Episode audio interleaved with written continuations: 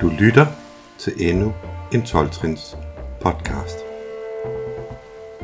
ACA, Adult Children of Alcoholics, har et lidt øh, misvisende navn. Altså, det er for voksne børn af alkoholikere. Men det er ikke kun for voksne børn af alkoholikere. Og hvis man læser på den store røde bog, så står der for voksne børn af alkoholiske familier og dysfunktionelle familier. Det her speak, du skal høre nu, handler lige præcis om et medlem fra SA, som kommer fra en baggrund, hvor der ikke var misbrug. Men hvor de mønstre og dynamikker, der var i den familie, alligevel var skadelige. Her er Karin. Jeg hedder Karin, jeg er voksen barn. Øh, jeg øh, vil fortælle min historie. Og jeg tænker, at øh, jeg vil starte øh, langt tilbage og langt ude. Altså langt øh, ude i min familie. Øh, jeg tænker, at, øh, at øh, det unikke ved min historie er nok, at øh, der ikke er noget misbrug i min familie. Heller ikke i den store udenomsfamilie. Og derfor øh, vil jeg gerne fortælle, øh, start, øh, start helt øh, langt tilbage i familien, fordi, fordi det er vigtigt for at se, hvad det er, jeg er vokset op i og for at forstå, hvorfor jeg kom der til, hvor jeg gjorde. Øh, og for at forstå forløsningen i øh, og komme til SA. Så jeg vil starte med at fortælle om, øh, om, min, øh, om øh, min familie og baggrunden. Øh. Og jeg starter med min, øh, min fars familie. Min far han er ud af en, en øh, en søskende flok på seks. Tre brødre og tre, øh, tre søstre. Og øh, de voksede op på landet. Øh, deres far, far var, var jo landmand, og og det var sådan den der land, det var, det var den der arbejdsfordeling, som, de nu, som man nu havde dengang med, med konen, landmandskonen i køkkenet, og med, og med ham ude i gården, og øh, de havde dyr, de havde, hvad der nu skulle til på sådan en gård, og det har jo været, det var i udkanten af Viborg, i en lille landsby derude, hvor min far også øh, blev født jo. Øh, og øh, de arbejdede, de var vant til at arbejde. Han vidste godt, hvordan man huggede roer og, og samlede sten og og det hele, det var arbejde fra morgen til aften, øh, tidligt op og fure, som det hed der på, på et godt jysk. Og, øh,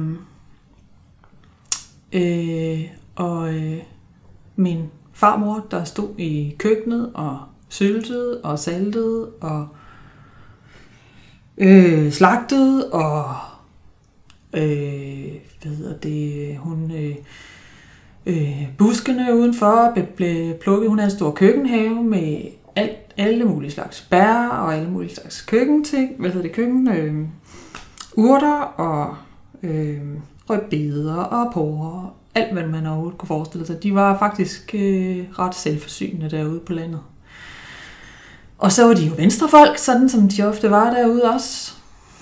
Øh, landmandsfolk. Øh,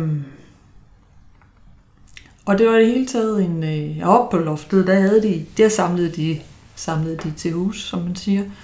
De havde øh, gammelt tøj, gamle møbler, og de øh, samlede jo ting, fordi der var ikke noget, der skulle gå til spil, og det kunne jo være, at det blev smalle tider på et tidspunkt. Øh. Så de... Øh, ja.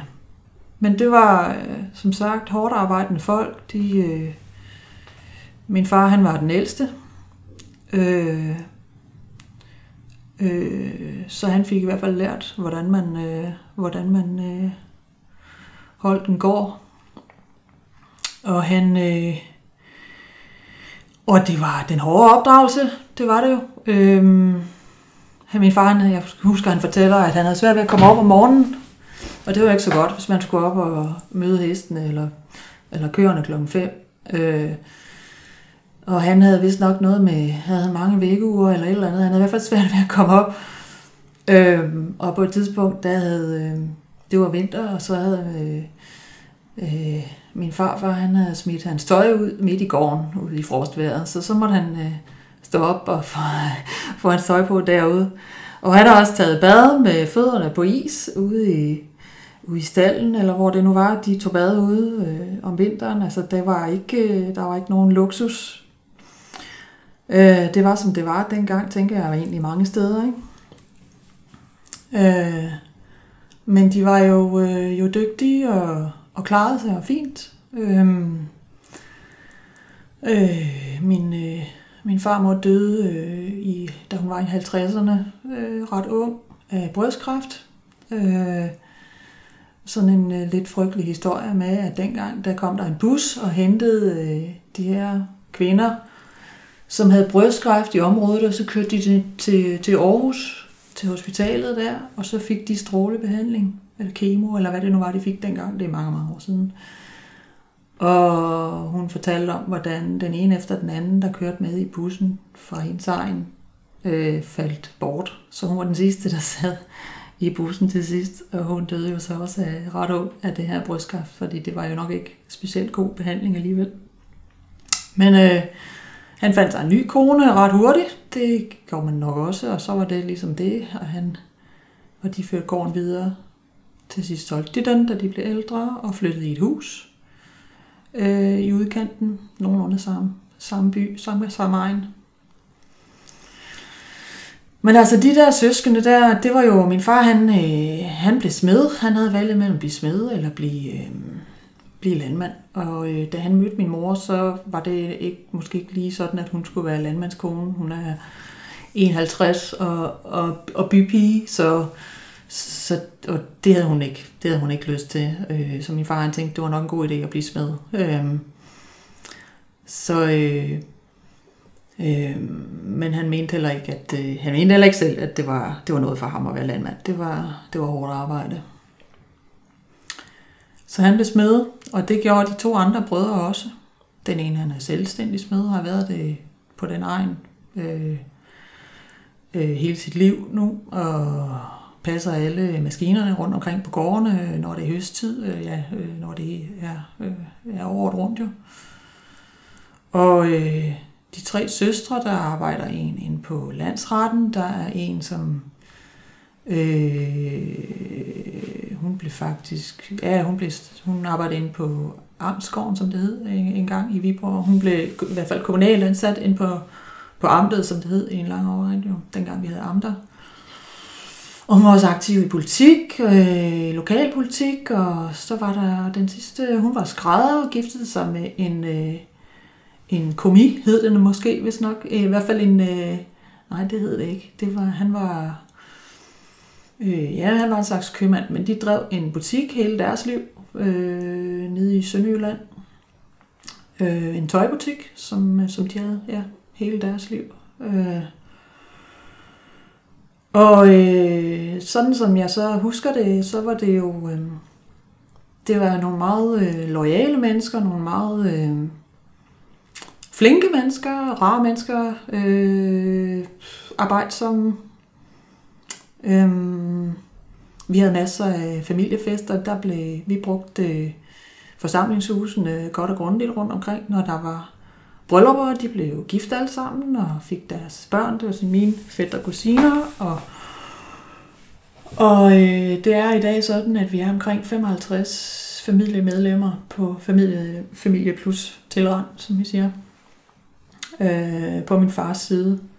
Så det er en stor familie, og, øh, øh, og jeg har masser af, jeg har mange fætter og kusiner, og jeg, øh, det er ikke engang helt tal på, 12 øh, fætter og kusiner. De har fået hver henholdsvis to, tre og fire børn. Så, så jeg har en del fætter og kusiner. Og dem har jeg også altid haft det rigtig godt med øh, til alle de her familiefester, vi var til. Øhm, der var en øh, der var feststemning. De var gode til at danse. Og øh, vi lærte alle sammen at danse også. Er de, er, er de, hvis, hvis ikke er de gamle, så øh, så, øh, så måske på en danseskole, hvis det var det. Øhm, øh, så som jeg øh, sådan husker min, min fars familie fra dengang jeg voksede op, så var det øh, super trygt, og øh, de kom altid, øh, stod altid op, og de hjalp hinanden meget. Øh. Min far, han, øh, han var jo øh, handyman, han kunne jo alting øh, med hænderne, så da han byggede hus og, til os, så øh, var det jo hans bror, der lige godkendte øh, hvad hedder det, øh, varmeinstallationerne, og så det hele det spillede, som det skulle. Øh, men det skulle helst være broren, fordi den, ham kan man jo stole på og sådan noget. så øh, vi gjorde alting selv helst. Øh, og de var, de var dygtige. De er dygtige. Øh, de er rigtig dygtige med, med hænderne, og de er kloge mennesker. De er fornuftige mennesker, de er rationelle mennesker, men, men også meget menneskelige mennesker. Øhm, og de er interesserede og ja, øhm, stabile. Øh, forbilleder, vil jeg sige. Øh, på den side har der været én skilsmisse, og det er altså inklusive alle mine fætter og kusiners. Det er en af mine kusiner, der blev skilt. Det var én skilsmisse. Jeg siger det lige igen. I løbet af ja, alle de år. Øh, jeg er 45 i dag. Øh, det er mange mennesker at øh, kun have én skilsmisse i. Øhm,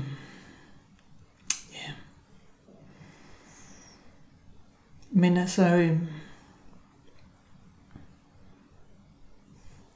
ja, nu bliver jeg lidt rørt.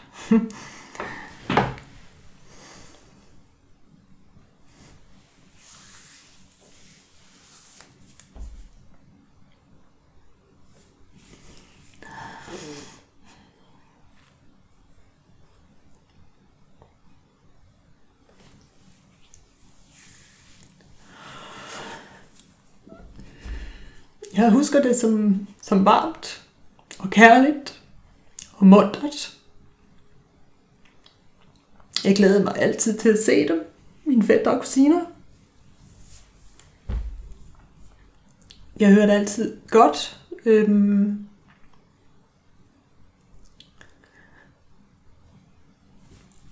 det var fællesskab, og vi var Pedersen. Pedersen-klanen hedder vi i dag. Hm. Og vi var stolte. Vi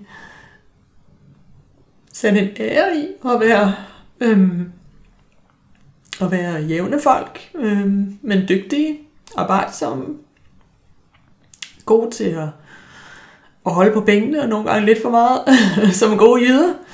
Gode til at handle, gode til at, vildt gode til at lave biler, altså. Og bygge huse, og sindssygt gode til at skabe ting, og til at lave øh, trygge rammer, og sørge for, at alt par øh, kørte i bogstavelig forstand.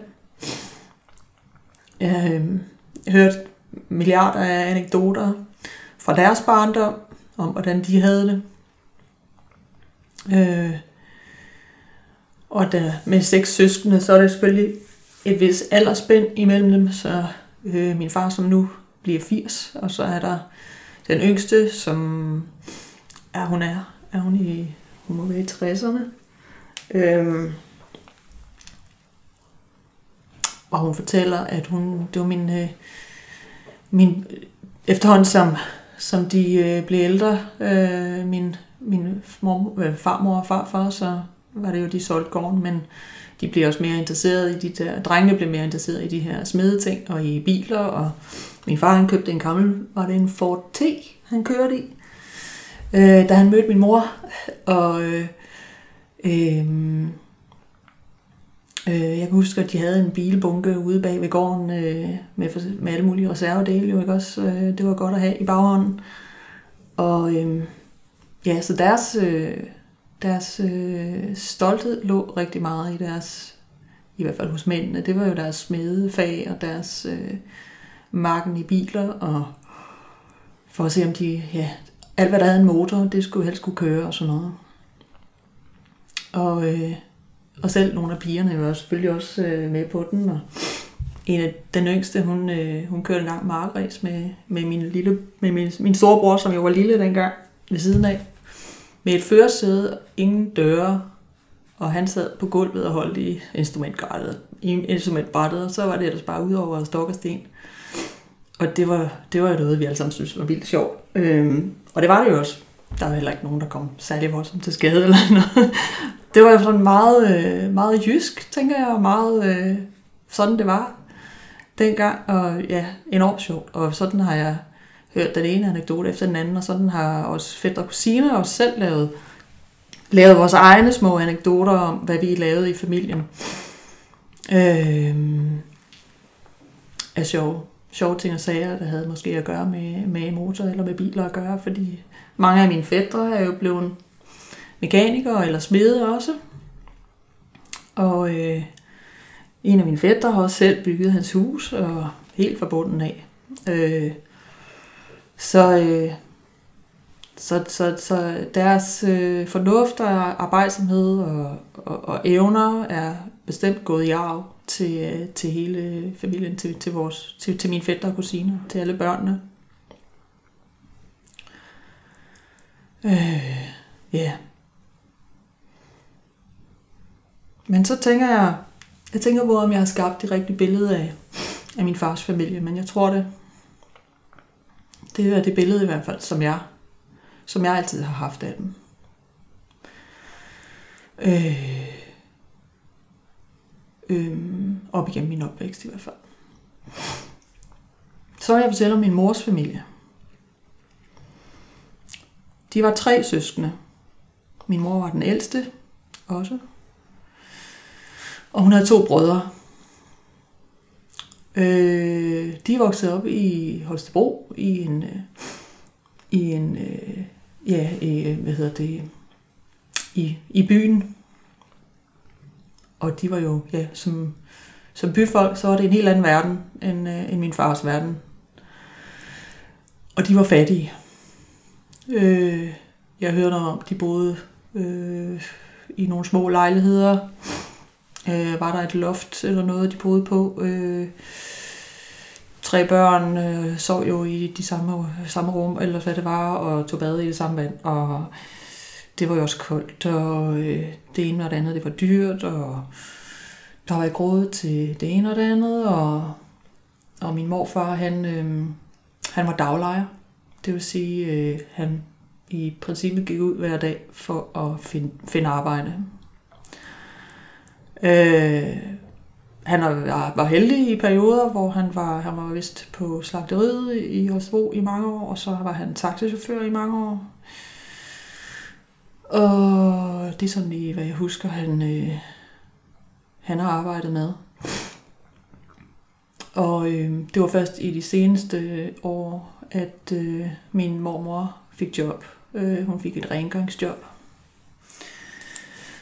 Og ja, så det var først, da de blev ældre, at de fik flere penge imellem hænderne og købte et lille hus. 80 kvadratmeter, hvis ikke jeg tager fejl, måske 90 øh, et lille byhus i Holstebro, som de boede i, da jeg så kendte dem som mine bedste forældre. Øhm, øhm, det har været, det har været øh, nogle måske helt andre usikre vilkår. Og min, øh, min mor, hun øh, fortæller om, hvordan øh, Altså den største, man kan sige, de var øh, et skridt fra, fra fattighuset. Øh, fattighuset, det var, det var det, der blev troet med, når øh, der blev spildt ting, kan man sige. Eller fattighuset, det var, det var det værste, der kunne ske dem. Og, Øh, og de var selvfølgelig øh, på den anden side også rigtig stolte over, at de ikke havde været, eller aldrig kom på fattighuset. Og de så samtidig sikkert også rigtig meget ned på folk, der var på, fra fattighuset. Men det var... Øh, øh, det har været en, det har været en, øh, en hård barndom for hende, men, men det var, de var lige så øh, arbejdsomme jo, altså som, øh, og fornuftige mennesker. De holdt skinden på næsen og, og klarede sig på trods af, deres udgangspunkt. Som jeg husker det, så var min morfar, min morfars forældre døde ret tidligt. Så der var en, der var en, øh, den ældste søster, som tog sig af, jeg tror det var otte børn. Øh, så han blev opdraget af sin, af sin søster, sin store søster. Øh, så jeg tænker, at deres, øh, deres baggrund har øh, et godt stykke tilbage været, været hård. Øh, været fattig. Øh, men, øh, men, øh, men, men igen, altså deres, de, de, de formåede jo at, og øh, holde skillen på næsen og, og arbejde hver dag. Min, øh, min øh, morfar, der han fortalte, hvordan han, han kom ud til et eller andet job, han skulle på et tidspunkt, og så skulle han kravle op ad en stige og på et tag, men, øh, men det ville han ikke, øh, fordi han øh, kunne se, at stigen der, der var vaklevogn. Og så sagde han, at øh, det ville han ikke. Og så sagde øh, Jacques Beisen jo så, at øh, nå. Og han ikke var klar over, at der stod jo en masse andre og ventede på hans job. Og så sagde han jo, men så længe jeg har mit helbred, så har jeg en chance. Og det var jo fornuftigt tænkt. Øhm, men det har været nogle hårde valg, tror jeg, de har stået overfor. Men så nok i min fars familie har været en, en anderledes, øh, lidt mere øh, noget tryghed i, at de var selvforsynende simpelthen. Og de kunne arbejde så øh, til det, til, til føden, på en anden måde, end de kunne i byen. Øhm, min, øh, min mor, hun tog en, øh, hun fik så lang en uddannelse, som der var råd til. Hun ville gerne have læst mere, men, øh, men hun fik en, en øh, jeg tror det var real eksamen, det hed dengang, og hun, blev, hun kom i lære på Rådhuset i Holstebro og fortæller om, om, øh, om den periode der. Øh, og da hun var i lære hos borgmesteren simpelthen. Øh, det var hun jo stolt af. Selvom hun på et tidspunkt måtte komme øh, på arbejde i hullet, med hullede strømper, fordi øh, hun havde ikke penge til nye. Men øh, men hun fik så en god uddannelse, og øh, selvom hun så blev hjemmegående øh, i 11 år, tror jeg det var, så, øh, så kunne hun stadigvæk bruge den uddannelse bagefter. Men øh, ja, øh, den anden bror blev, blev skolelærer. Han, øh, han kunne leve på, på en sten, og, og han ville være skolelærer ligegyldigt hvad. Så han, øh, så han fandt ud af, hvordan han kunne øh, hudle sig igennem en læreruddannelse og han blev en fantastisk lærer. Øh, da de først havde kåret ham øh, som årets lærer tre år i træk, så bad han om, at nu må de hellere finde en anden, fordi, fordi det, kunne ikke, øh, det, det, var, det, det, var, det var ikke fair over for de andre. Men altså, han er også typen, der, der holder taler øh, til alle familiefesterne. Han er virkelig, virkelig god til at udtrykke sig for nogle rigtig, rigtig gode historier frem, og en hjertevarm mand. Øhm, Øhm, ja, og den sidste bror, han blev, han blev mekaniker. Øh, og en overgang var han falkmand. Øhm, øh, øh, men altså igen, øh, alle sammen meget øh, stabile mennesker, arbejdsomme mennesker, som gik op i, at øh, man kom altså på arbejde hver dag og sådan nogle ting. Altså der var ikke noget, der var ikke noget, der hed at skulke, og man, øh, man skulle gøre sin pligt. Øhm, ellers havde man selv bedt om det, altså. Så, øh, og det er jo sådan, hvad der, hvad der har præget øh, min, min, min nære familie, det er jo den arbejdsomhed og, og øh, et drive til at, at skabe nogle ting og få en masse ud af de ting, man nu havde. Øh, ja, og en loyalitet, ikke mindst. Loyalitet var noget, vi gik meget op i i familien. Øhm, ja.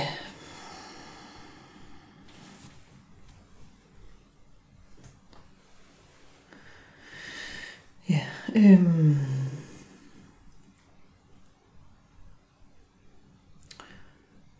Øhm. Min øh, mor og min far, de øh, mødte hinanden til et eller andet halvbal, tror jeg det var, øh, på midten mellem øh, den lille landsby i øh, øst, øst for Viborg og Holstebro, et eller andet sted der, måske Viborg. Øh, og de var meget unge. De var lige måske 20, måske 18, 19, 20 stykker. Øh, og øh, der gik, øh, ja, jeg kan huske i hvert fald, at det, altså, i, der, der gik fire år, før, de, før min mor så blev gravid. og hun ringede til min far nede fra en, øh, hun ringede til min far fra en øh, telefonboks nede i Viborg. Hun havde været ved lægen, og så havde hun fundet ud af, at hun var gravid, og så ringede hun til min far, og så sagde hun, hvad gør vi så nu? Og så sagde han, jamen, så må vi jo hellere blive gift, han så. Øh, han gjorde jo, som en ærlig mand skulle.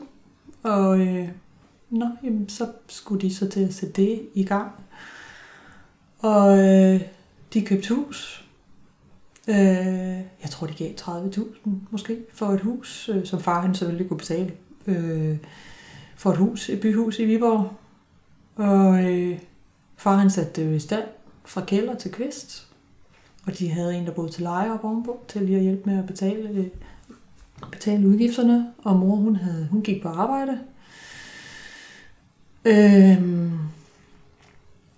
og far, han øh, gik også på arbejde. Han havde i de der fire år, han var blevet soldat. Han var, øh, han var garter, hvilket han jo var meget stolt af. Og øh, stod vagt for dronningen, som man siger. Øh, og øh, han var i København i, i, i den tid, han var garter. I hvert fald i noget af tiden. Øh, og de fortæller, min mor fortæller, hvordan øh, han kom hjem på et tidspunkt, efter han havde været i København, og så havde min mor, og så skulle de ud og spise på øh, golfsalongen i Viborg nede ved Søerne. Og, øh, og hun havde brugt en hel månedsløn på at peppe sig op med hår og med, med kjole og det hele. Og så siger min far, da han ser hende, hvordan er det, du ser ud, sagde han så. Jamen, øh, så det, det brugte de så den middag på at snakke om.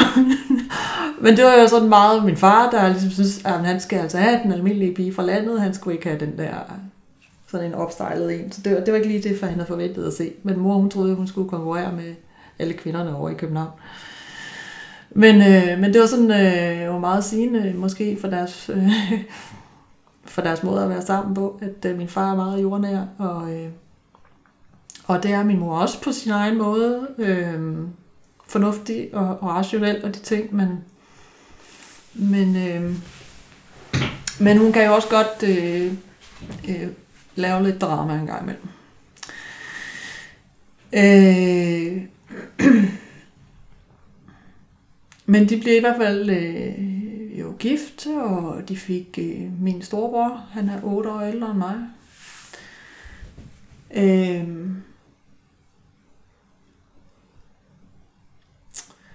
og øh, jeg mener også, det var på det var i det første hus, at de fik ham. Og øh, ja, de har boet der i nogle år, og så har de jo så nok også reddet meget på den her bølge, der var i øh, 60'erne, 70'erne. Øh, øh, for de fik en hel del mere for huset, end de gav for det. Øh, og min far, han har jo så lagt an til at bygge et hus, øh, lidt sådan i udkanten af byen. Et større hus, eller ikke et større hus, men, men, men et øh, sådan rigtigt parcelhus. Øhm, så, og de fik jo en af mine... Øh, øh, min, faster, min fasters mand, han var arkitekt, så han øh, var med til at tegne det hus, og han tegnede også det, det sidste hus, det tredje hus, vi fik. Men øhm, øh, de flyttede ud på et hus, øh, noget der hed Gråmejservej, og et øh, meget almindeligt øh, parcelhuskvarter, øh, hvor, øh, hvor de så havde Jan, altså min, min storebror, og, øh, og der fik de også min storesøster, og, og øh, der fik de også mig. Øhm, men øhm, min søster, hun kom fire år efter min storebror, så det vil sige, at min bror var 8, og min søster var 4, da jeg kom til verden. Øhm,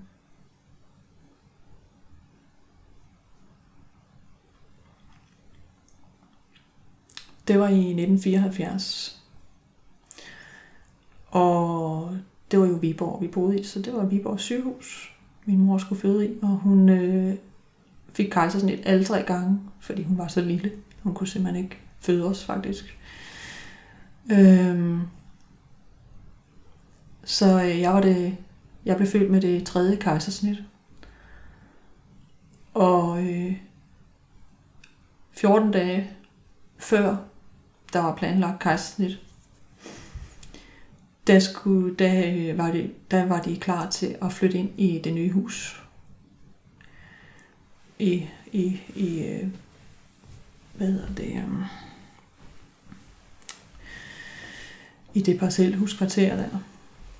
Og øhm, det var noget, min mor ikke kunne lide, fordi hun sagde, jo, hun havde jo nok at se til med tre børn faktisk, og, og så lige skulle føde øh, den tredje der omkring øh, 14 dage efter en flytning.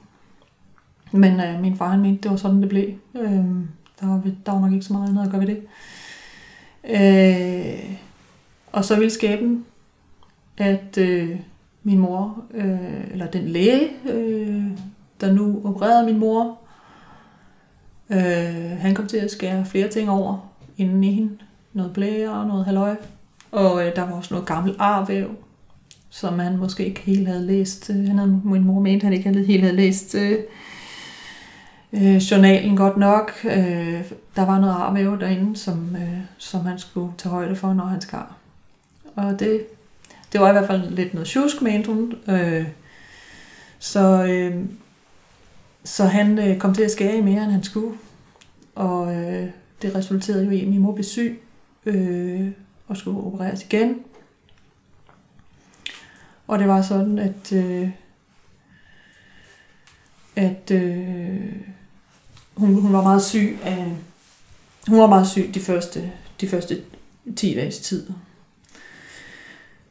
Og så var politikken dengang sådan, at at øh, alle de nyfødte, de øh, blev kørt hen i et rum for sig selv, fordi øh, mor skulle komme sig. Det var moren, man fokuserede på dengang. Hun skulle komme sig og have ro. Hun skulle have mest mulig ro efter fødslen. Og den lille skulle ikke forstyrre.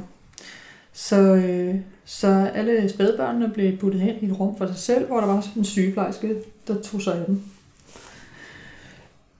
Og turnus var sådan, at hver fjerde time, så blev spædbørnene kørt ud til deres mødre, og så ammede mødrene, dem i en halv time, og så blev børnene kørt tilbage igen. For at mødrene skulle få ro. Øhm, og det skete også med, med, med, med mig. Øh, bortset fra, at øh, når min mor nu var så syg, så måtte jeg ikke komme over til hende. Øh, og hun ammede mig selvfølgelig ikke. Øh, hun, det, det var hun ikke i stand til. Det, det, der var ingen mælk heller eller noget. Hun var for syg til det. Øh, så jeg kunne ikke komme over til hende. Øh, øh, på noget tidspunkt i de første 10 dage. Vi kunne sådan, hun kunne ligge ved siden af mig, vi kunne kigge på hinanden. Øh, Efter de 10 dage, der fik hun det så bedre, og hun måtte øh, sidde med mig. Øh, men det var stadigvæk øh, fire timers turnus. Altså fire timers, øh, det en halv time øh, hver fjerde time døgnet rundt. Og øh, det var så øh, i alt tre uger, vi var på hospitalet sammen, min mor og mig. Og så øh, skulle vi hjem til øh, det her hus, som øh, de lige var flyttet ind i. Og min mor havde jo så min søster på fire år, og min storebror på otte også at tage sig af. Ikke? Og øh,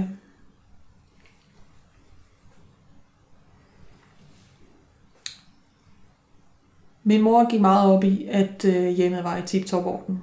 Og hun gik meget op i, at andre ikke syntes, at hun gjorde det for dårligt, selvfølgelig. Og hun var nok også, fornemmer jeg, bange for, at der var nogen, der skulle mene, at hun ikke øh, havde overskud til at tage sig af os børn.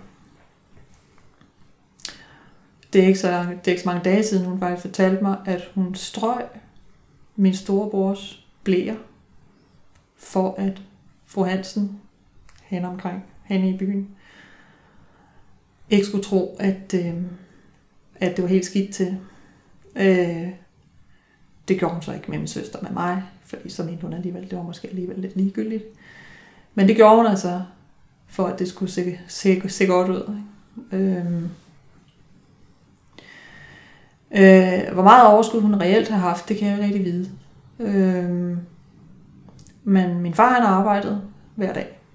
Øh, han, han gik på arbejde, og min mor havde selvfølgelig lidt hjælp i hendes, øh, hendes mor og svigermor,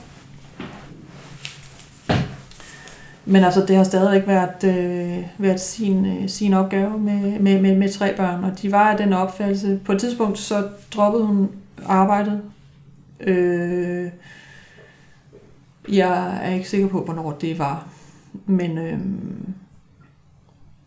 øh, men der blev simpelthen for meget at, at se til. Jeg tror, det var i forbindelse med, at hun fik mig. Øh, men i hvert fald så, øh, så har min mor jo været den, som, som ville øh, keep up appearances, altså som ville øh, sørge for, at det hele så, så godt ud, og at øh, de havde til dagen og vejen. Det var min mor, der styrede øh, pengene. Far tjente pengene, og mor hun øh, lagde budgettet og brugte pengene. Øh, og øh, ja, det var så de første fire år i mit liv, som, øh, som vi tilbragte der i det der parcelhuskvarter, hvor min mor så på et tidspunkt beslutter, at, øh, eller i hvert fald øh, lægger ind til, at der gider hun ikke at bo, fordi øh, ja, det, hun er ikke vild med naboerne, og, øh, og min far han vil også gerne have lidt mere plads. Han mangler en garage, han kan gå og makke biler i, og noget have, noget mere have. Så de flytter over på den anden side af vejen, der bygger min far et nyt hus, øh, hvor, øh, som så kan man sige, blev vores, øh, vores barndomshjem, i hvert fald mit, øh, da jeg var fire år, da vi flyttede ind der. Øh, og som jeg husker det, så... Øh, jeg skal huske at komme ind til kernen, for jeg kan godt mærke, at jeg er udenom, tror jeg. Jeg fortæller rigtig meget om, om hvordan det så ud, hvordan det var øh, for udenforstående. Og jeg kommer også til ind til kernen nu her, med hvordan det så var for mig. Øhm,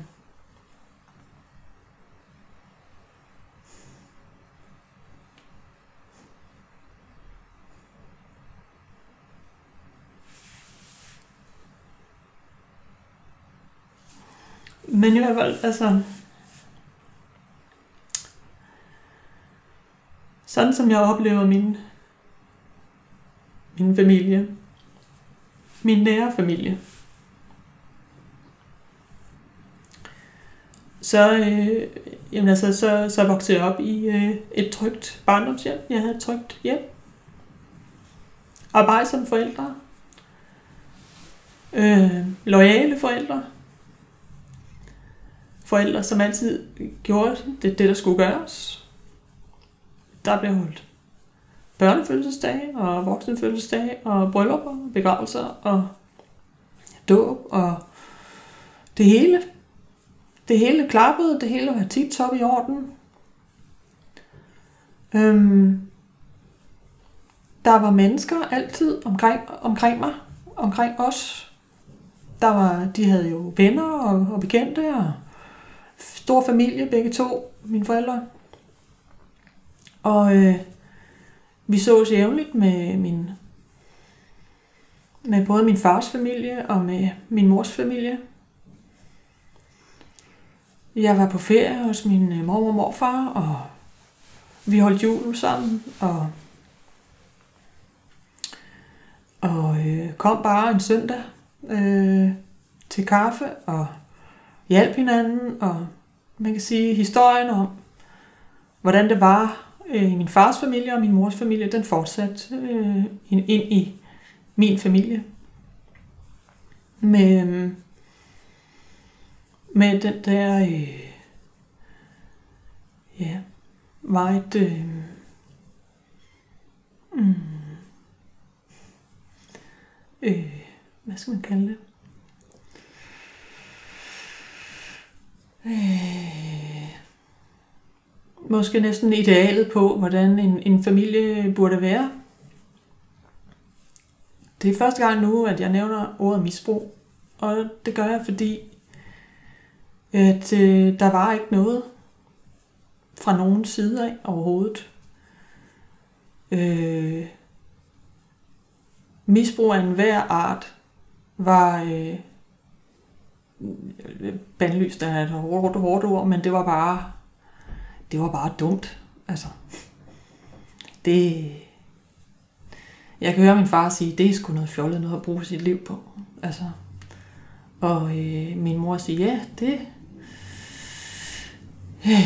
Ja, og det er da alt for dyrt, kunne hun måske sige. Altså, øh, og jeg tror, jeg hørte om en i familien, som havde begået selvmord. En eller anden onkel meget langt ude i min mors familie. Og jeg tror, jeg hørte om... Jeg er ikke sikker på, at der er nogen, der drak sig ihjel heller. At jeg hørte om.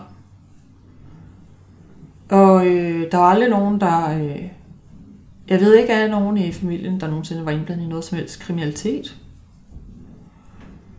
Der var nogen, der røg, men det var meget få. Altså i min fars familie, der er måske et par stykker, der kan tage en cigar en gang imellem. I min mors familie er der et par stykker, der ryger.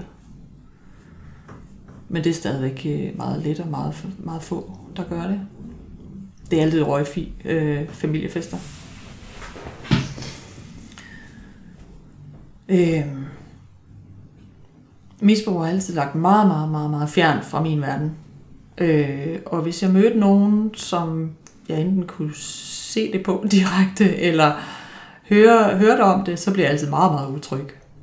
Fordi øh, det vidste jeg simpelthen ikke, hvordan jeg skulle gebære mig i. Øh, øh, jeg havde meget, meget nemt ved bare at sige, øh, at sige nej tak. Og jeg tror kun, det var et, en gang i mit liv, jeg, øh, i hvert fald sådan i min, i min helt unge år, at jeg, at jeg fik øh, mulighed for at ryge has, men, men, men det sagde jeg jo bare nej til, fordi det, det, det lagde mig så fjernt. Bare at ryge i det hele taget. Så.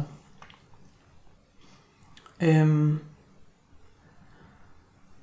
Og, og det, det, er, det er så slående for mig, hvordan, øh, hvordan min familie har været så har været i stand til at være så, så, så tryg en familie, eller så øh, perfekt en familie, og så samtidig lave mig. Det har været meget gåde. Øh. Men det... Øh,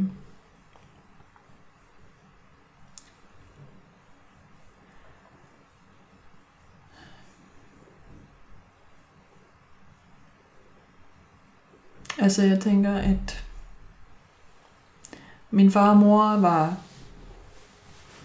som sagt en videreførelse af, af deres egen familie. Men jeg vil ind på, hvad der skete med mig. Og det... Øh, i dag, der har jeg... Jeg har snart en, en højere uddannelse, og jeg øh, har læst mig til nogle ting omkring spædbørn og tilknytning. Og jeg læser noget pædagogik. Jeg læser pædagogik. Og i det hele taget, så, øh, så har jeg fået et meget, øh, et meget klarere billede af, hvad der egentlig er sket i min opvækst.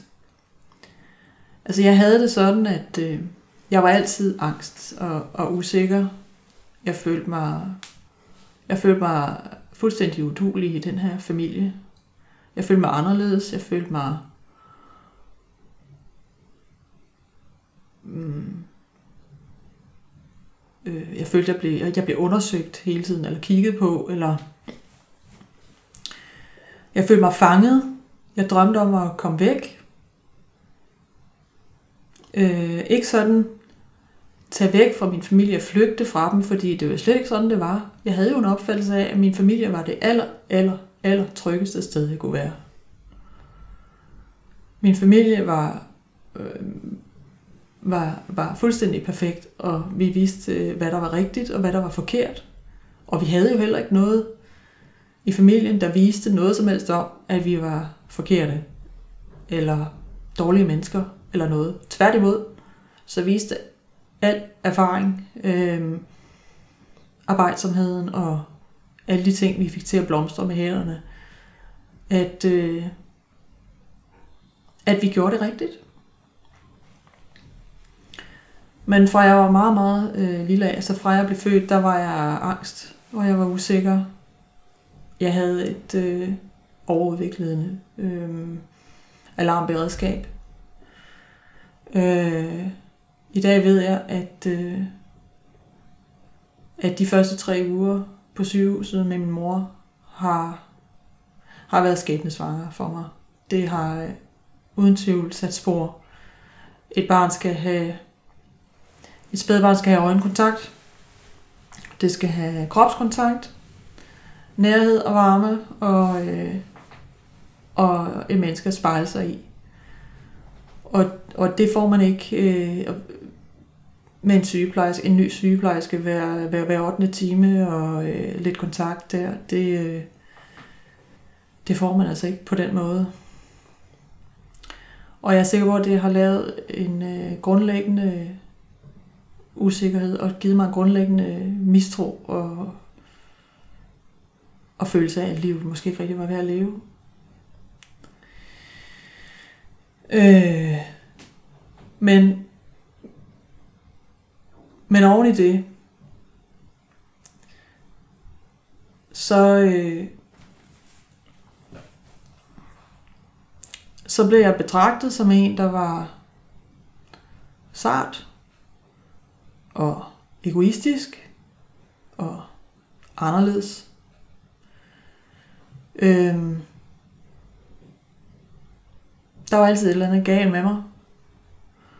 Jeg havde, øh, jeg havde svært ved at holde på sådan nogle øh, jobs, øh, da jeg var yngre, da jeg var barn gik i skole og sådan noget, så ville jeg, det eneste jeg kunne finde ud af, det var at gå med aviser, fordi øh, der var jo ikke andre, jeg skulle forholde mig til. Øh, efter en dag øh, på et eller andet øh, job, hvor der var andre mennesker, så øh, var, jeg så, øh, var jeg så nervøs, så jeg øh, lå hjemme i sengen i forreste stilling og rystede. Øh, jeg øh, var øh, bange første skoledag, og jeg var mindst lige så bange sidste skoledag, så vi skulle feste. Jeg lå hjemme i fosterstykken, bange og koldsved. Øh, hele min øh, skolegang var, øh, var præget af den der angst og en slags lukken af for, øh, for hvad der skete omkring mig rent socialt. Jeg, øh, jeg var ikke i stand til at, øh, at være med socialt. Det følte jeg i hvert fald ikke. Jeg synes aldrig, jeg rigtig fik en, en, en nær veninde eller noget. Jeg, øh, jeg synes, jeg øh, skiftede fra den ene til den anden, og så troede jeg ikke rigtig på, at de var der for mig alligevel. Øh, jeg synes, det hele det var ret, ret håbløst. Jeg var der bare, fordi jeg skulle være der. Og så tænker jeg, at det bliver måske nok bedre en dag. Øhm, og det er nok også bare mig. Jeg må hellere øh, finde ud af et eller andet, så jeg kan få det bedre. Jeg tror, da jeg var 12, der begyndte jeg at skrive dagbog. Jeg skrev en bog om året. Og der skrev jeg alle mine, alle mine tanker. De frygteligste tanker. Jeg har ikke turet. Jeg begyndte at læse dem igen for ikke så længe siden, men, øh, men jeg stoppede, fordi det var simpelthen for øh, hammerlæsning. Det var jeg slet ikke klar til. Jeg var, øh, jeg var sindssyg angst, og jeg havde... Øh, ja, efterhånden som jeg som jeg blev ældre, så, så fik jeg mere og mere af de der... Øh, det blev jo forventet af mig, at jeg ligesom blev mere og mere hårdfør. Jeg skulle jo klare nogle ting. Jeg skulle jo i skole, noget, altså jeg skulle videre med noget uddannelse, jeg skulle have jobs, og det var jo bekymrende, at jeg ikke engang kunne tage et skolejob efter skolejob. Øh, der var mange ting, der var rigtig bekymrende ved det, ved mig. Jeg bekymrede min mor rigtig, rigtig meget, og også min far selvfølgelig. Øh, jeg blev nervøs øh, ved det mindste. Jeg kunne ikke lide at tage med til andre børnefødselsdage, fordi, øh, og jeg mistede fuldstændig appetitten, fordi jeg var slet ikke vant til fremmed mad, og jeg turde ikke sove øh, nogen andre steder. Jeg lå så vågen. Jeg lå vågen hele natten, øh, hvis jeg var et eller andet sted, og var dødtræt, øh, jo selvfølgelig hen af morgen. Øh, jeg var i sådan et alarmberedskab, så, øh, øh, så jeg, jeg kunne overhovedet ikke falde til ro, før jeg kom hjem og var fuldstændig færdig. Så langt den ad vejen, så, så, så flygtede jeg hjem. Øh, alt, hvad der foregik ude, var, var skræmmende. Øh, og det skal siges, at jeg gik jo hjemme. Øh, jeg, var, jeg blev passet af min mor jo indtil jeg var 6 år, indtil jeg kom i skole. Og øh, så jeg tror, jeg blev godt og grundigt øh, øh, min, min angst og min følelse af at være anderledes og ikke være god nok uden for hjemmet blev bare forstærket efterhånden som de første seks år gik. Altså jeg, øh, jeg kan mærke i dag, selv i dag har jeg en stærk fornemmelse af, at det eneste, der fungerer, det er min familie, og hvis jeg ikke er i nærheden af min familie, så svæver jeg frit i det ydre rum. Så min familie er, er, er, på et eller andet sted hele min verden. Øhm,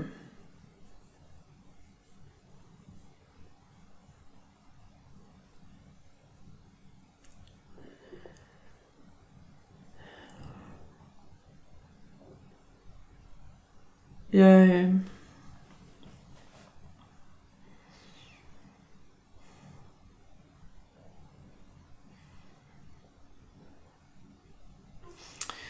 Jeg er blevet slået to gange i mit liv. En gang af min far, og en gang af min mor. Og da min mor slog mig, det kan jeg ikke engang huske. Faktisk. Da hun fortalte det. Hun fortalte det selv. Vi, vi blev opdraget meget øh, sikkert ligesom min mor og far selv blev, at vi skulle arbejde, og vi skulle øh, gøre vores pligt, og vi skulle øh, være søde, flinke og rare, og vi skulle... Øh,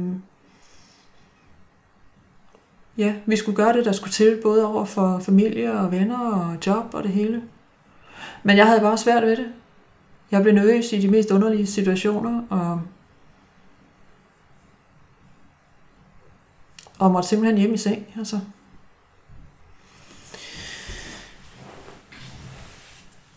Efterhånden som jeg så øh, blev, blev lidt større, eller blev, blev hvad hedder det, flyttet hjemmefra, blev, 20, blev kom i 20'erne og sådan, der, øh, jeg havde ligesom et håb om, at Nå, nu, nu er det mig, og nu kan jeg selv, og, og jeg havde også en, jeg har også ligesom haft en, en lang periode, hvor jeg måske vil sige, at jeg blomstrede, fordi jeg, jeg turde lige pludselig en masse ting, jeg bad selv om at komme på efterskole.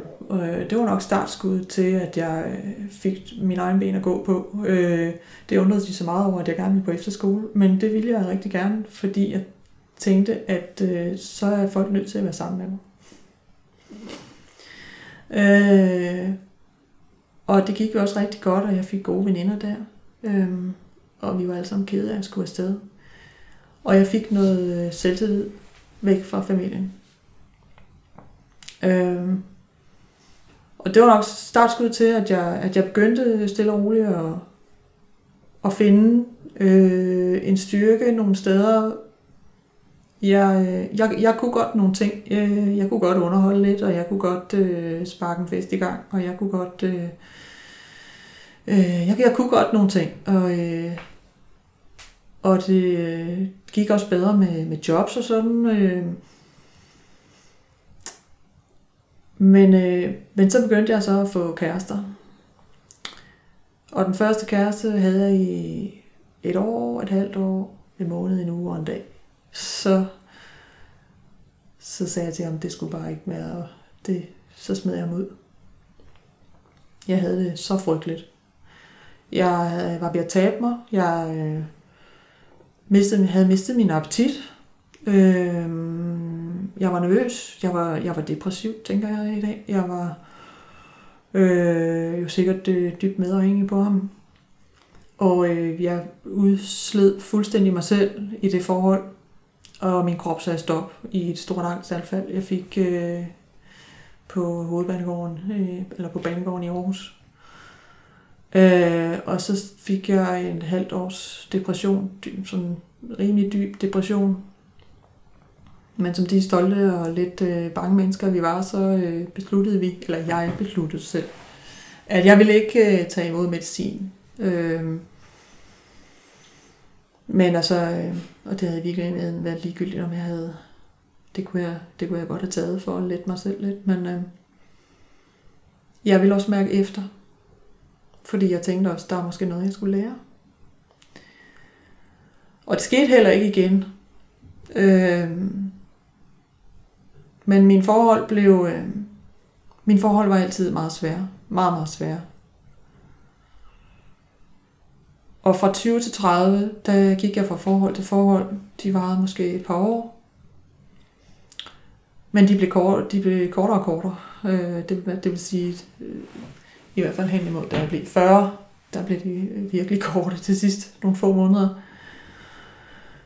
Øh, jeg havde et langdistanceforhold på 6 år, Øh, hvor jeg var så optaget af at, øh, at skrive og chatte med den her person. Øh, og det trides jeg jo åbenbart okay med. Øh, men, øh, men det var forholdene, altså jeg, jeg, jeg formåede ligesom at, at have et job. Og have dem i et par år. Og indtil jeg så besluttede mig for, at nu vil jeg ind og læse. Jeg ville øh, skifte retning. Øh, men på øh, forholdssiden, der, øh, der blev det bare aldrig... Der, der, der blev det bare værre, fordi det blev nederlag på nederlag. Og det blev meget, meget tydeligt, hvor udulig jeg var. Hvor udulig jeg virkelig var i forhold til min familie. Og årene gik, familiefesterne gik, og da jeg var 30, havde jeg stadigvæk ikke nogen. Da jeg var 35, havde jeg stadigvæk ikke nogen kæreste, eller mand, eller noget, eller børn.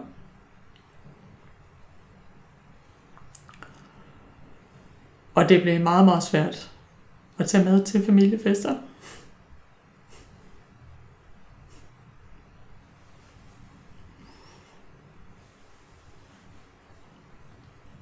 Ikke noget med, at jeg var jeg var lidt for bange i nogle situationer, og jeg tænkte lidt for meget, og jeg var lidt for anderledes, og nogle gange var jeg også meget, meget, meget egoistisk, og, og øhm, Jeg havde handlet øh, dybt mærkeligt og foruroligende øh, over for mine øh, forældre, når jeg havde været i et forhold, fordi jeg, jeg offrede så meget for det. Og, øh, et langdistanceforhold til en i Holland er jo ikke ligefrem måske det mest betryggende for, en, øh, for ens forældre. Og, øh, og øh, det er klart, at de kunne se, øh, at øh, de ting, jeg gjorde, var ikke sunde for mig. Men, øh, men de var samtidig den, øh, de forholdte samtidig den skade, der gjorde, at, at det ikke kunne lykkes for mig. Øhm, da jeg var omkring 37, 36, 37, så havde jeg en læge, en meget flamboyant og men sindssygt dygtig læge, som engageret læge, som øh, sagde til mig, hvad med børn? Øh, ja. Men øh, der var ligesom langt dertil, ikke? Ja, men øh, der er hjælp at få, sagde hun så.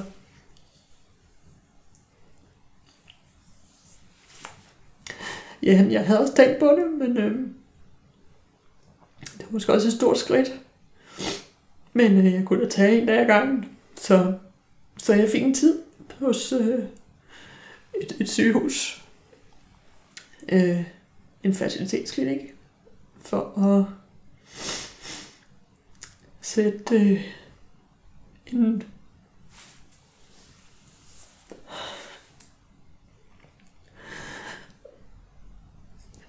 og sætte en mangeårig behandling i gang. Og sætte en stopper for, for barnløsheden og ensomheden og den frygtelige følelse af at være så udulig i forhold til hele resten af min familie. Min fætter og kusiner overhalede mig. De fik kærester, så blev de gift, så fik de børn, så fik de hus, så fik de hund, og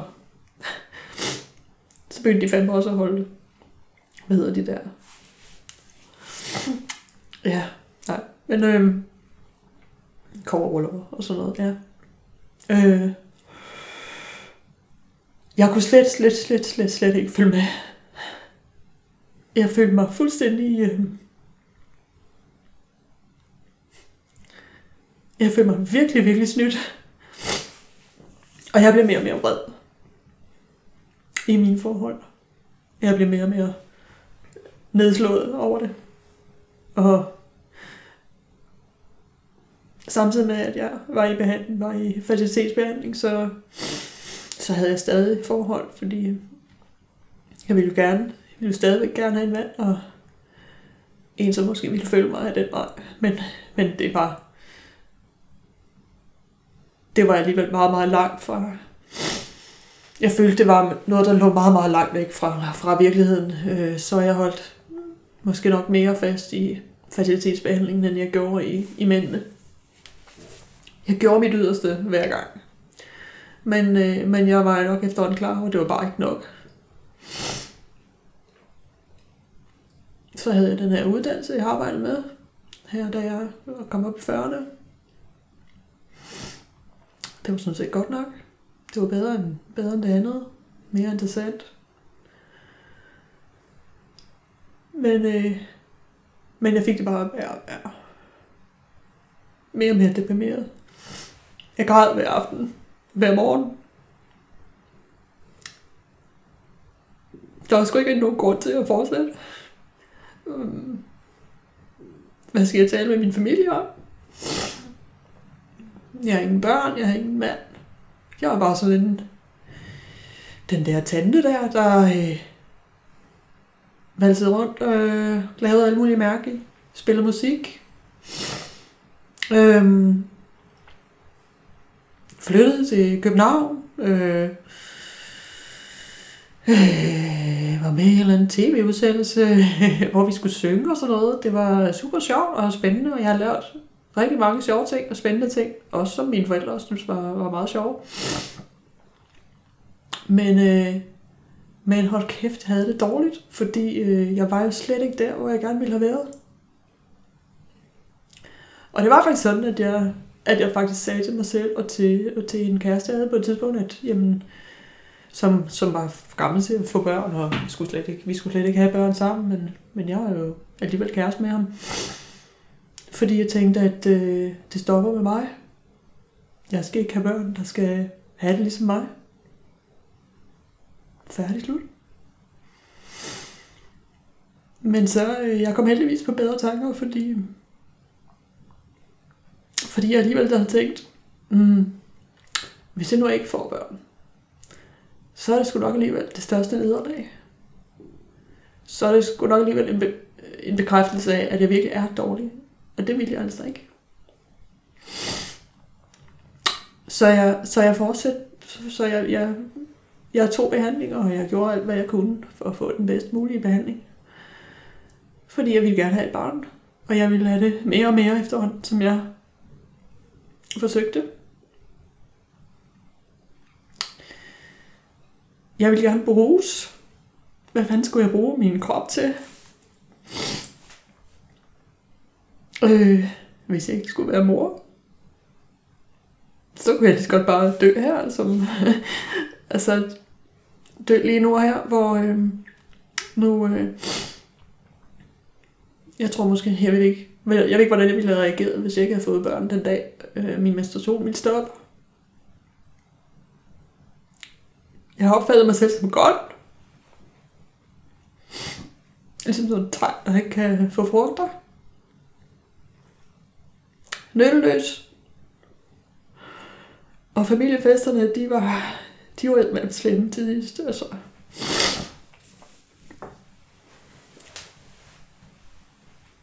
Øh.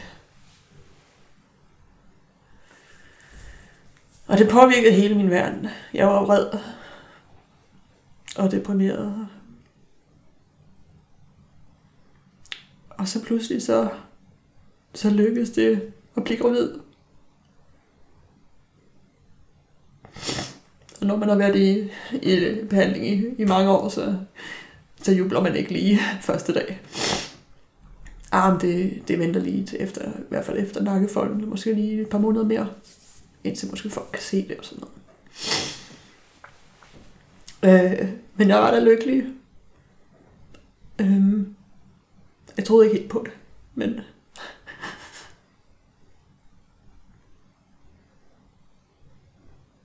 øhm.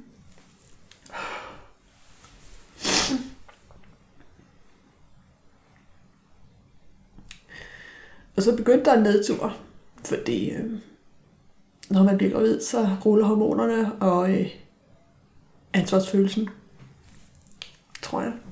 Og jeg... Øh, alle skeletterne kom ud af skabet. Jeg fik det rigtig, rigtig dårligt. Jeg, øh, jeg fik det meget, meget, meget, meget dårligt over, at jeg ikke kunne finde en øh, far til det barn, jeg havde i maven. Fordi jeg vidste jo godt, at det, det var sgu nok umuligt. De sidste øh, tre-fire mænd, jeg havde haft, de havde næsten direkte sagt til mig, at, øh, at jeg på en eller anden måde var for øh,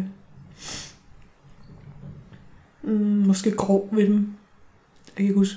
Der er en, der... De bruger forskellige ord, men jeg var, jeg var for voldsom med dem, i hvert fald rent verbalt.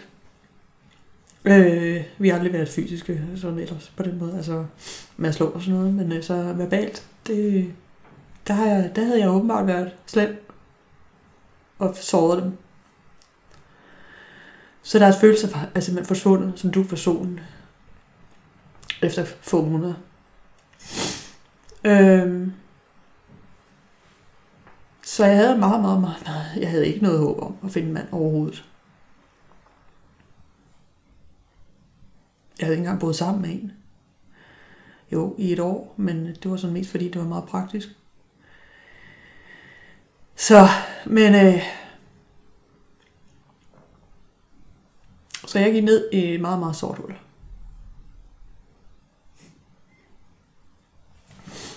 Men så var det så, at jeg var faktisk så desperat, at jeg tog kontakt til en, som, øh, som jeg ellers ikke ville have taget kontakt til. og som jeg faktisk havde skældt så meget ud, at, øh, ja, at øh, jeg har da i hvert fald været rimelig sikker på, at øh, det nok var ret dumt, at vedkommende og, og nogensinde været sammen med mig igen. Bare til en kop kaffe, altså.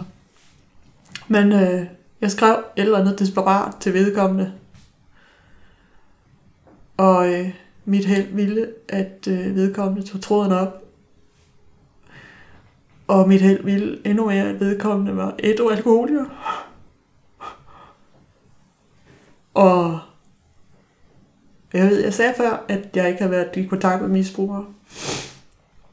Men det kom jeg efterhånden. Og jeg fandt ud af i løbet af mit liv, jo, at jeg havde det godt sammen med det folk, som var lidt udenfor samfundet måske, eller som var lidt anderledes. Det var bare dem, jeg havde det bedst med. Og jeg havde det sådan lidt dobbelt med det, fordi jeg synes jo ikke, der hørte jeg jo ikke til jo. Jeg var jo den her gode familie. Men jeg kunne alligevel være mere afslappet sammen med dem. Og, øh, og det samme i det her tilfælde. Og jeg øh, og vedkommende tog mig med til et SA med. Og jeg havde det sådan inden mødet, at jeg sagde til mig selv, at øh, jeg havde hørt, at man kunne få et telefonnummer, så man kunne ringe til en. Og så jeg sagde jeg til mig selv, at jeg går ikke der fra det møde, uden at jeg har fået et telefonnummer. Jeg var meget langt ude. Så jeg, øh, og det fik jeg. Og heldet ville så også, at jeg fik en sponsor, som, som var øh, meget opsat på at hjælpe mig. Hun var jo selv øh, SA'er. Øhm, og skæbnen ville også, at vi øh, blev meget øh, filtreret ind i hinanden. Men, men det gode ved det, det var jo, at øh, hun havde et skarpt syn på, hvad der skete i min familie og med mig. Som gjorde, at mit verdensbillede fuldstændig ændrede sig. Den der gode familie, og den der udulige Karin, fik, øh, fik øh, blev udslettet. Og, øh, og der begyndte ligesom sådan en nedbrydning af det, kan man sige. Ligesom sådan et stort gammelt slot, der er ved at blive nedbrudt langsomt, så er jeg ved at bygge et nyt op, som er sandt.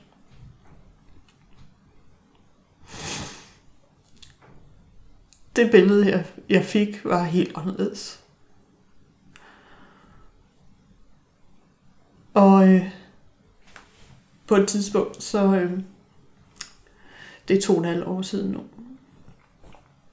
Men øh, på, et, og på et tidspunkt, så opdagede jeg faktisk, at jeg følte mig meget ligesom Truman fra Truman Show. Øh, hvis man kender den film, så øh, lever han øh, sit liv, hele sit liv, fra han er spæd i, øh, i sådan en parallel verden, der er skabt af nogle andre. Og på et tidspunkt opdager han, at øh, der er en virkelighed udenfor.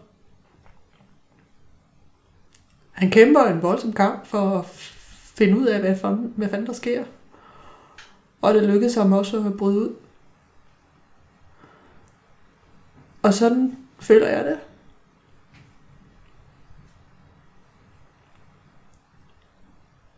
Jeg var overbevist om, at min familie var det skønneste sted i verden, jeg kunne overhovedet vokse op. Og de har også gjort alt, hvad de overhovedet magtede. Men, men det var ikke det, jeg havde brug for. Jeg var først og fremmest et lille spædbarn, som havde brug for kompensation for de første tre uger. Jeg havde brug for at blive holdt og kiggede på i øjnene døgnet rundt i den første tid. Og det var der ikke tid til. Han troede måske heller ikke helt på, at det var det, der skulle til, eller at øh, det er bare andre tider i dag, hvor man tænker anderledes. Og øh,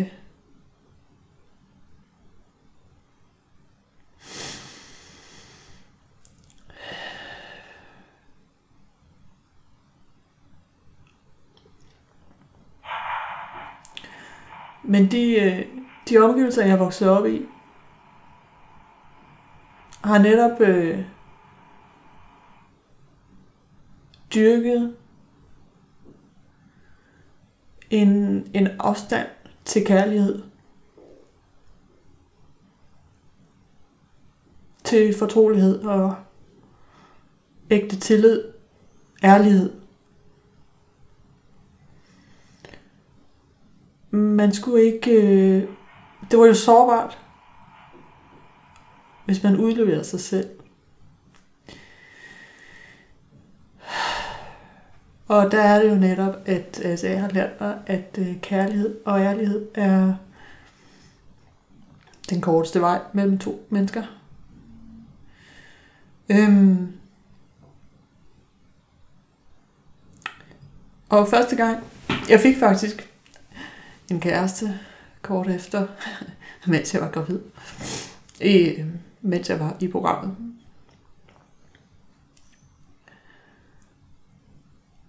Og det er, og jeg ser tilbage på det nu med, med stor øhm, glæde faktisk. Håb. Fordi det gik faktisk rigtig godt. Det gik godt for mig. Jeg var ærlig. Jeg turde være ærlig for første gang i mit liv, fordi jeg vidste, det var vejen fra. Og det viste sig, at han ikke var klar overhovedet til den form for ærlighed. Og så kunne jeg vende ryggen til ham øh, uden at græde. Men med... Jeg kunne bare ligesom... Jeg kunne gå videre med ro i sindet. Jeg havde gjort det. Jeg havde gjort det godt. Jeg havde... Jeg havde været mig selv. Og jeg havde ikke tabt noget. Jeg havde vundet.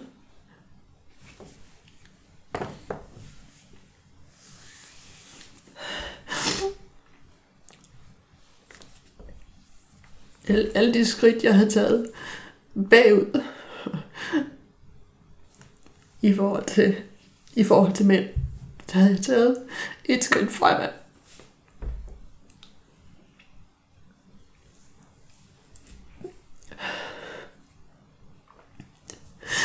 Så, så min jagt på mænd er stoppet. fordi, fordi nu ved jeg, at det kan lade sig gøre. Det er lidt ligesom at have mad i køleskabet. hvis man ved, det er der, så er man ikke helt så sulten. Men hvis man ved, at der ikke er noget i køleskabet, så hold da op, vi må ud og købe noget. Men nu, øh, nu har jeg en øh, forhåbning om, at der i hvert fald er noget at arbejde med. Der er noget, der er en udvikling, der er et håb. Der er nogle andre mennesker derude. Jeg kan faktisk godt tale med en mand, øh, med en kæreste, og være ærlig over for ham. Det har jeg overhovedet ikke været før. For jeg er jo overbevist om, at øh, hvis jeg var ærlig, så var jeg sårbar. Og så ville alt det der trygge i hele min familie, så ville hele mit forhold til, til den mand falde sammen, og der ville ikke være noget grundlag for at lave tryghed, skabe tryghed og, og det der familiesammenhold, som jeg troede, man skulle have. Men det var en løgn. Og det, og det er derfor, jeg føler mig løjet for.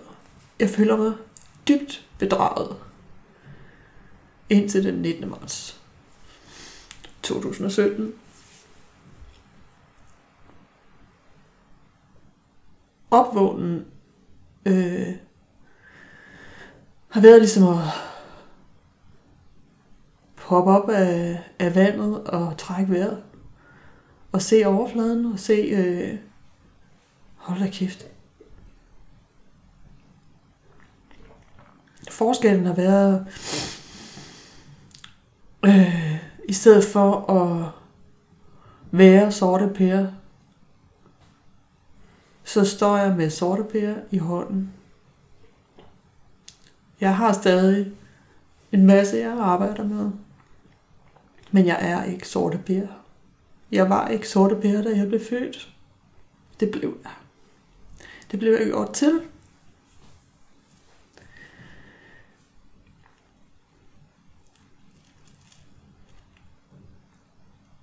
Og nu er det så lidt sådan, at jeg står jeg står, uden, jeg står, stadig, jeg står dog stadigvæk uden for min familie, fordi fordi de jo øhm,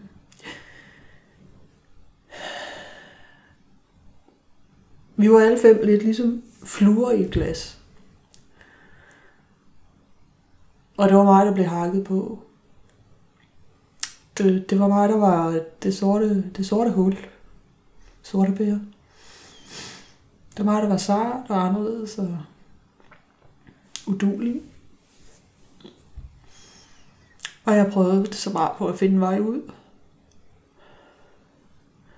Og jeg har fundet en vej ud. Og jeg flyver rundt ud i friheden. Men jeg flyver ikke ret langt væk fra det glas, fordi, fordi det er min familie. Og de sommer stadigvæk rundt derinde. Og jeg kan kigge på dem. Og jeg kan ikke gøre noget. Jeg kan ikke gøre noget for dem. Eller for mig selv. Eller noget for, at vi kan komme nærmere hinanden.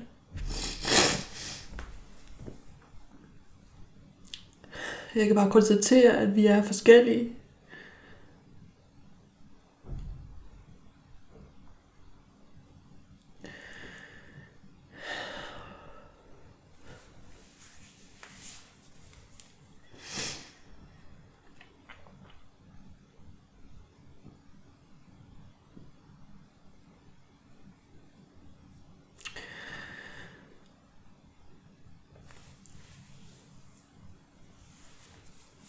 Bedraget har gjort mig vred.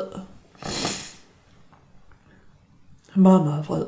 Fuldstændig forundret og i starten fuldstændig, what? Og så bliver jeg vred. Og nu er jeg ked af det. Og så øh, kommer der nok flere reaktioner. Men øh, jeg er så dybt taknemmelig for, at jeg kender sandheden. Jeg kan ikke slippe billedet om Truman Show. Det har jeg haft længe nu. Jeg, øh, det er det, det mest øh, sigende billede på, på mit liv. Jeg er blevet holdt for nar. Jeg er blevet bildt ind, at, øh, at familien var det eneste rigtige. Og at jeg var forkert.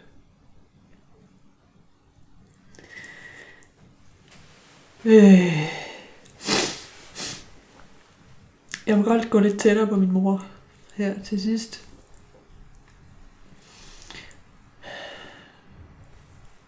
Jeg tror, min mor er narcissist.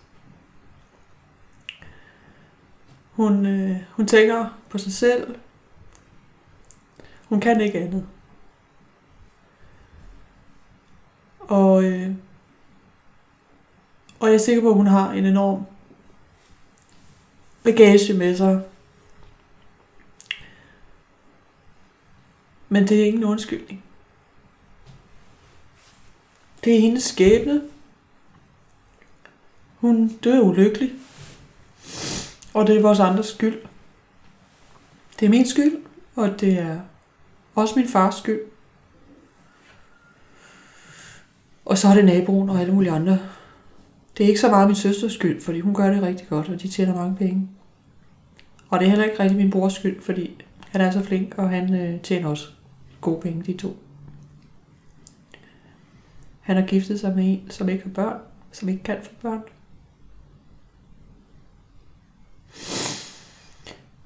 Jeg, jeg, jeg bækker af til min mor. Jeg, det, det, det har jeg gjort, og jeg kan også godt blive øh, selvfølgelig øh, enormt vred og enormt irriteret på hende.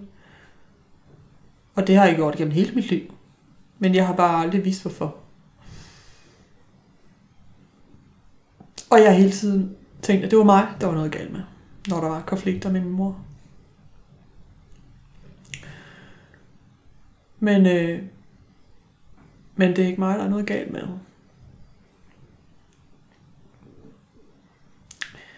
Og, øh, og det er heller ikke min mor. Hun er, som hun er, fordi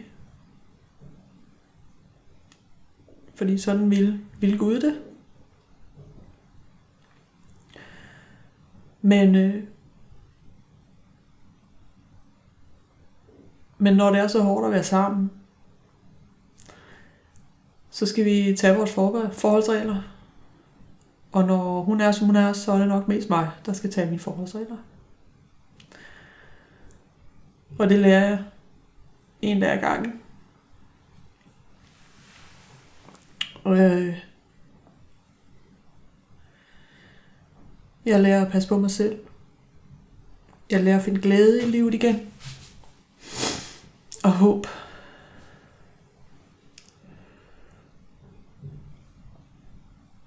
Jeg kan godt sidde med en fornemmelse af, at øh, jamen, det er jo ikke nok. Hvor er misbruget hen? Hvor er alt det forfærdelige hen? Og det er det, der er så sindssygt svært. Jeg tænker, man kan sammenligne det lidt med Natasha Campus. Og det kan man jo ikke helt, fordi jeg bliver jo ikke kidnappet, men, men man kan alligevel godt sammenligne det på den måde, at du vokser op i noget, som... Du vokser op i noget, hvor du bliver misbrugt. I hvert fald bliver jeg følelsesmæssigt. Og du kan ikke slippe, bare slippe væk, fordi du er jo lojal mod den, der tager vare på dig. Indtil du så opdager, at, at den, der tager vare på dig, rent faktisk har gjort dig ondt. Og har fået dig selv til at gøre dig ondt. Det er det ultimative bedrag. Øh, det er det ultimative svigt. Øh, og det er så, øh, det er så, så bedragerisk, fordi, øh, fordi det er skjult bag øh, perfekte malerier. Du tror en ting, og pludselig finder du ud af noget helt, helt andet. Og lov for det, fordi du havde det jo så dårligt. Men det der bedrag er så, øh, er så voldsomt. Og jeg ved, at for eksempel, hvis jeg havde... Øh, hvis nu øh, for eksempel min mor hun havde øh, haft øh, et glas rødvin i hånden rimelig tit, så havde jeg med set noget anderledes på det. Så havde jeg godt vidst, mor, det der, det, det er ikke noget, vi gør i vores familie. Og jeg er sikker på, at der var flere, der ville have taget affære noget før nogle familiemedlemmer, et eller andet. Det, var, det havde ikke fået lov til at ske. Men det her, det får lov til at ske, fordi, øh, fordi det ser pænt ud. Min mor var nøjagtigt lige så syg som en aktiv alkoholiker. Hvis det var sådan, at øh, man sagde hende imod, så oplevede hun at smidt sig ned på begge knæ og begyndt at græde og jamre og sige et eller andet med, det kan du da ikke. Og hun brugte sine følelser i alle situationer. Og hun, øh, hun tænker ikke på, at øh, hun overskrider andres grænser ved hendes, øh, hendes handlinger. Øh,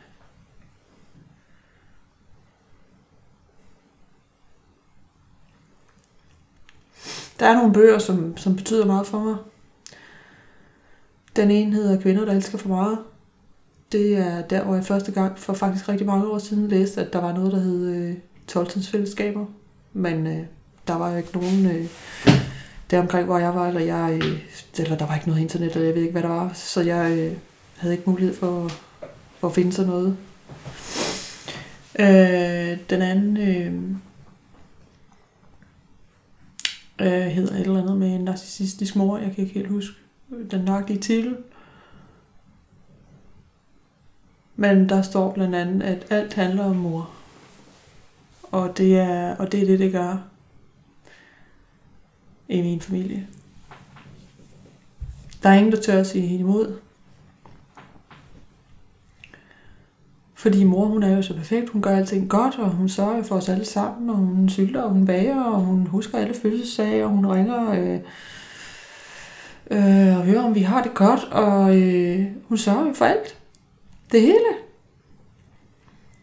Hvordan kan mor være så forfærdelig?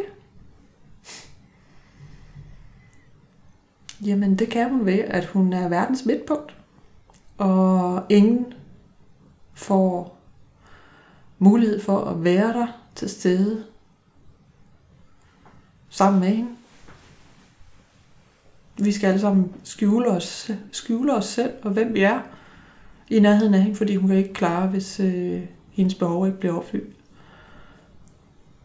Så alle går på listefødder rundt om mor.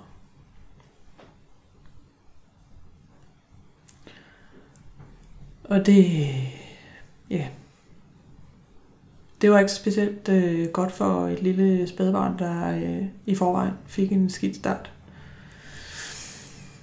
Øh, og det satte sig spor hele vejen op igennem livet.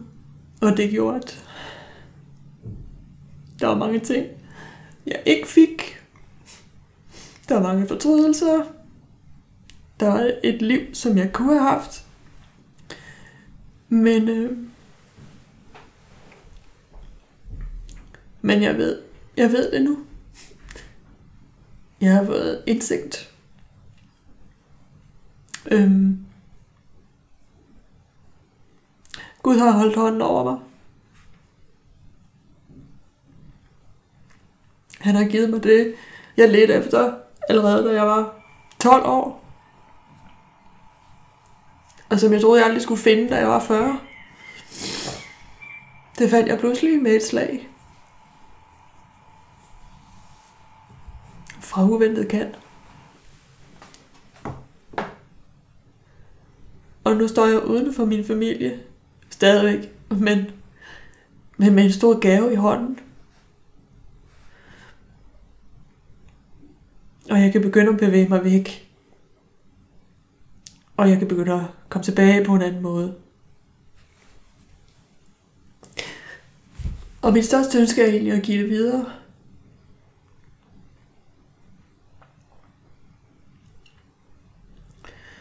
Til andre. Øhm.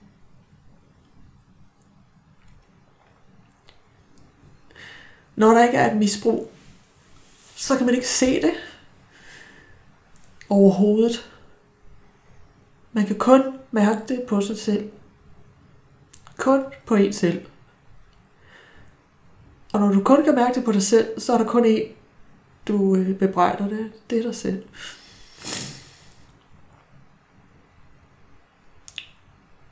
Og så skal der noget til, før at du rækker ud efter hjælp. Og der skal også noget til at finde den. Fordi øh, jeg havde aldrig hørt om SCA, før jeg mødte en ældre alkoholiker. Aldrig. Og jeg havde ikke, øh, jeg havde ikke fundet det. Uden ham. Så derfor lægger det mig også fantastisk meget på scene, faktisk. At gøre så meget reklame som overhovedet muligt, og bryde en tradition eller to, fordi jeg synes virkelig, det er rigtig, rigtig vigtigt. Alle de der mennesker, der går derude, vokset op i perfekte familier, men som har det så dårligt, at de har lyst til at forsvinde fra verden og bare blive til støv.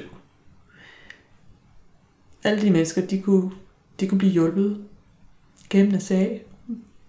Jeg blev hjulpet ved et trylleslag, føles det som om.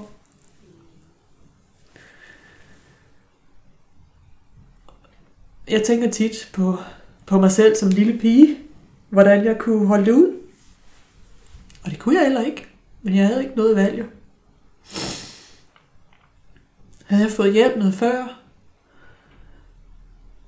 Havde min mor bare været en alkoholiker? så havde, jeg, så havde det været en helt, helt, helt anden historie.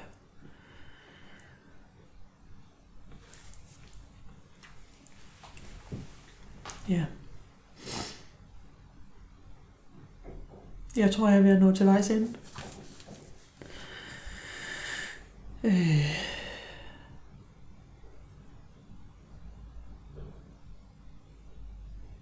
Tak for mig. Du har lyttet til endnu en 12-trins podcast. Og som altid, hvis du vil give et bidrag til at holde det her i luften, så gå ind på 12trinspodcast.dk og så er der en knap, der hedder syvende tradition. Og øh, som altid, så leder jeg efter nye speakere, så hvis du har lyst, eller kender nogen, eller I holder et konvent, øh, hvor I tænker, det kunne være værdifuldt at få lagt op her, så, øh, så kontakt mig endelig. Og det kan I gøre gennem vores Facebook-side, eller, eller via hjemmesiden. Jamen, øh, det har været et langt speak, så jeg vil gøre det her kort. Tak for mig.